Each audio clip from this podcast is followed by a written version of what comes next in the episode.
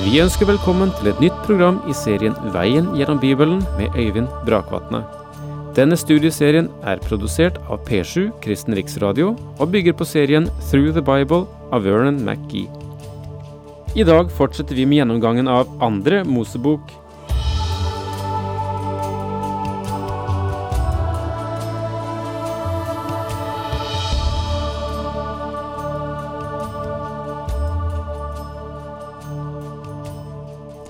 Og vi skal gå inn på annen Mosebok og starter med kapittel én. Men før vi begynner, la meg spørre hvor mange hoveddeler finnes der i eh, annen Mosebok? Ja, det er riktig, vi hadde det sist. Kanskje du ikke eh, trenger å ha sånne punkter som jeg må ha, men jeg synes at det er mye lettere å holde tingene fast når jeg får litt orden og styring på det. Og av og til så sier barna til meg du far, du, du må liksom ha orden på alt og ha det sånn efter hverandre. Ja ja, jeg trenger det. Men skal vi repetere? Altså, annen Mosebok faller i fem hoveddeler. En utfrier formes er første del, de første elleve kapitlene. En utfrielse ved blod og kraft, kapittel 12 til 14. Deretter del tre, vandringen til Sinai kapitlene 15 til 18. Så kommer loven, kapitlene 19 til 24, og deretter planlegging og bygging av tabernaklet, som er kapitlene 25 til 40. Ja, jeg er sikker på at eh, mange husket det, og kanskje andre har andre inndelinger av dette. Bare finne en system. Det er da lettere å gripe tak i en hel bok. Og så tilbake til Annen Mosebok, kapittel 1. Temaet som omfatter dette første kapitlet, er Israel i Egypt. Der dukker opp en ny farao, Israels undertrykkelse og forfølgelse, og så møter vi to kvinner som viser et ualminnelig heltemot. De første versene i annen Mosebok knytter den til fremstillingen i første Mosebok. De som først kom til Egypt, nevnes først, og det gis en hurtig skisse av årene mellom.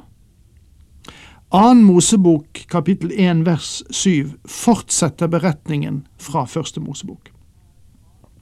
Nøkkelverset i denne boken er Annen Mosebok kapittel 20 vers 2. Nå taler jeg om nøkkelverset for hele boken, og dette verset sier Jeg er Herren din Gud, som førte deg ut av Egypt, ut av trellehuset.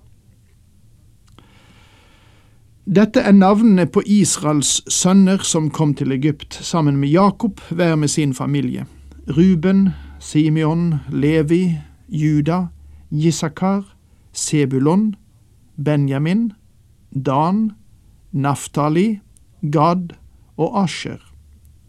De som stammet fra Jakob, var i alt 70 personer.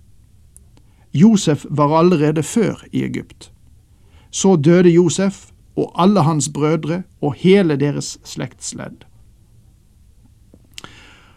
Og Da ser vi at annen Mosebok er en fortsettelse av første Mosebok. Josefs død avslutter første Mosebok. Annen Mosebok 1.6 sier oss at Josef, alle hans brødre og hele den generasjonen var død. Tre og et halvt hundrede år har passert. I første Mosebok, kapittel 46, sa Gud at Israel ville vokse og bli et stort folk i Egypt. Og når vi kommer til vers sju, er denne profetien faktisk oppfylt, for det står slik. Men israelittene var fruktbare og ble mange. De økte og ble meget tallrike. Det ble fullt av dem i hele landet. Vers åtte antyder at det har funnet sted en stor forandring. Da kom det en ny konge over Egypt som ikke visste noe om Josef. En ny farao var kommet på tronen i Egypt og hadde aldri hørt om Josef. Hyksos-kongene, eller hyrdekongene, som var semitter, hadde blitt fordrevet, og det forrige dynastiet av egyptiske konger satt igjen på tronen. Den nye kongen hadde aldri kjent Josef, og kjente seg ikke gjeld til ham eller til hans etterkommere. Det er egentlig en veldig lekse å lære av dette åttende verset.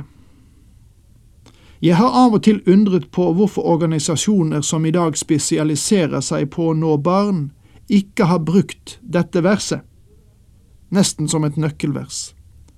Det burde være et sterkt argument. Der er et kontinuerlig ansvar for å gi undervisning i Guds ord til hver generasjon. Om vi forsømmer å undervise i Bibelen, så kommer tiden da den vil være glemt. En representant for Coca-Cola-konsernet fortalte en gang at en viss prosent av hver solgt flaske brukes til annonsering. Noen lo av ham og lurte på hvorfor det skulle være nødvendig å annonsere et så velkjent produkt. Bare i én avis hadde det stått 13 annonser for Coca-Cola, og det var bare en distriktsavis. Er ikke det egentlig for mye? lurte mannen på som spurte. Og denne konsernrepresentanten svarte, langt derifra. Kan du huske siste gang du så en boks med Masawati-te, den såkalte bestemor-teen? Og det ble svart at det var en populær tesort for en god del år siden, og jeg husker den selv fra min egen barndom. Men at vedkommende nå ikke lenger hadde sett noe til den. Saken er, svarte denne Coca-Cola-funksjonæren, de trodde at teen var så velkjent at de ikke behøvde å avertere. Nå kom det altså på tronen i Egypt en farao som ikke kjente noe til Josef. Og der er alltid en ny generasjon som aldri har hørt om den Herre Jesus Kristus. Vi som opplevde annen verdenskrig kan av og til bli overrasket over hvor lite en ny generasjon, ja, våre egne barn, vet om disse smertelige fem år. De kan nesten ikke forestille seg hva vi gikk igjennom av spenninger, lidelser og vanskeligheter. Og Derfor er det alltid nødvendig å undervise den nye generasjon i hva som hendte i tidligere generasjoner. Slik vokste der altså opp en ny generasjon som aldri hadde hørt om Josef. Ved et visst tidspunkt var Josef så velkjent at han var nasjonalhelt, og ingen fikk fjerne hans legeme fra Egypt, selv om Josef var israelitt og vel ønsket å hvile hos sine fedre. Den nye farao som kom til makten, var ikke vennligsinnet mot israelittene, slik forgjengerne hadde vært det. Han sa til sitt folk, Se, israelsfolket er større og sterkere enn vi. La oss fare klokt fram, så de ikke blir enda tallrikere. For kommer det krig, slår de seg kanskje sammen med fiendene våre, strider mot oss og drar fra landet. Det var en reell mulighet for at Israel kunne ha alliert seg med en eller flere av Egypts fiender. Selv om farao hadde behov for slaver, ville den enkleste måten å løse problemet på vært å la Israel dra. Men i stedet for å løse Israel, bestemte farao seg for å bruke sin verdslige visdom for å ta hånd om problemet. Så satte egypterne fogder over israelittene. De skulle plage dem med tvangsarbeid. Israelittene måtte bygge to byer med lagerhus for farao. Det var Piton og Ramses. Israels barn ble tvunget til å arbeide hardt. De bygget ikke pyramidene, for de var allerede reist mange, mange år tidligere. Men de ble tvunget til å bygge to byer som farao særlig skulle bruke til lagerplass for forråd og rikdommer. Det var byene Piton og Ramses. De bygget dem med murstein som de selv var tvunget til å produsere. Til å begynne med fikk israelitten lov til å blande halm i byggemassen. Etter hvert som faraos press på dem økte, ble de tvunget til å lage murstein uten halm som fyllmasse, og likevel produsere like mange stein per dag som tidligere. Vi trenger ikke å historisk forsvare Bibelens beskrivelse av Israels fangenskap og trelldom i Egypt. Bare mursteinene i de to byene, som nå er ruinbyer, bekrefter at Bibelen taler sant. Det er ikke tvil om at israelittene var i en vanskelig situasjon i Egypt. Egypterne gjorde livet stadig hardere for Israels folk. Men jo mer egypterne plaget dem, dess flere ble de, og dess mer bredte de seg, så egypterne ble redde for dem. Gud sa til Abraham at Israel ville komme til å få harde tider i Egypt. I Første Mosebok, kapittel 15, vers 13, så sies det:" Det skal du vite, at dine etterkommere skal bo som innflyttere i et land som ikke hører dem til. De skal trelle for folket der og underkues av det i 400 år. Tre ting sies i dette verset.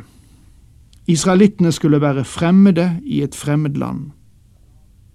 De skulle være tjenere, det vil si slaver. De skulle være underkuet. Alle disse profetiske utsagn er blitt til historiske sannheter bare i de fem første versene i annen Mosebok, kapittel 1. Jo mer egypterne undertrykte israelittene, dess flere og sterkere ble de. De tvang israelittene til å trelle for seg og gjorde livet surt for dem med hardt arbeid i leirtakene og teglverkene og med all slags jordarbeid. Alt dette trellearbeidet tvang de israelittene til å gjøre. Kongen i Egypt sa til hebreerkvinnenes jordmødre, den ene heter Shifra, og den andre heter Pua. Egypterne gjorde ikke bare israelittene til slaver, de mishandlet dem også. Men på tross av forfølgelsene så hvilte Guds velsignelse over dem, og de økte sterkt i antall. Kongen la merke til den sterke veksten i slavefolket, og talte med de hebraiske jordmødrene i et forsøk på å løse det problemet. Det er interessant å legge merke til betydningen av navnene på disse to kvinnene. Shifra betyr skjønnhet, Pua betyr herlighet. Har du noensinne lagt merke til silhuettbilder av egyptiske kvinner? Skjønnhet og herlighet karakteriserte kvinnene i Egypt. Disse kvinnene hadde åpenbart fått eh, betydningsfulle offisielle stillinger i Egypt, og ledet de sykepleierne som var ansvarlige for forløsningen av israelske mødre. Når dere hjelper en hebreer kvinne til å føde, skal dere se etter i fødestolen. Er det da en gutt, skal dere drepe ham. Er det en pike, kan hun få leve. Dette er altså ennå et forsøk fra Satans side på å ødelegge linjen som fører frem til den Herre Jesus Kristus. Sataniske forsøk på å klippe over linjen som fører til Kristus, går gjennom hele Bibelen, fra Det gamle til Det nye testamentet. Mange forsøk er blitt gjort for å ødelegge jødene, og det er rystende interessant å legge merke til måten antisemittismen har bredt seg over hele verden på. Den er satanisk i sin opprinnelse, og derfor må ikke noe Guds barn ha noen forbindelse med slike bevegelser. Det er vanligvis mennesker uten Guds kunnskap som forfølger og mobber jøder.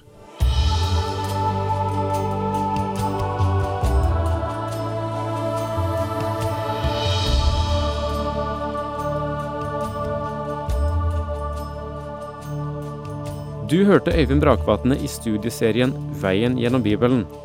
Serien bygger på et manus av Vern McGee. Har du spørsmål eller kommentarer til programmet, kan du sende en e-post til vgb krøllalfa p7.no. Takk for i dag, og på gjenhør.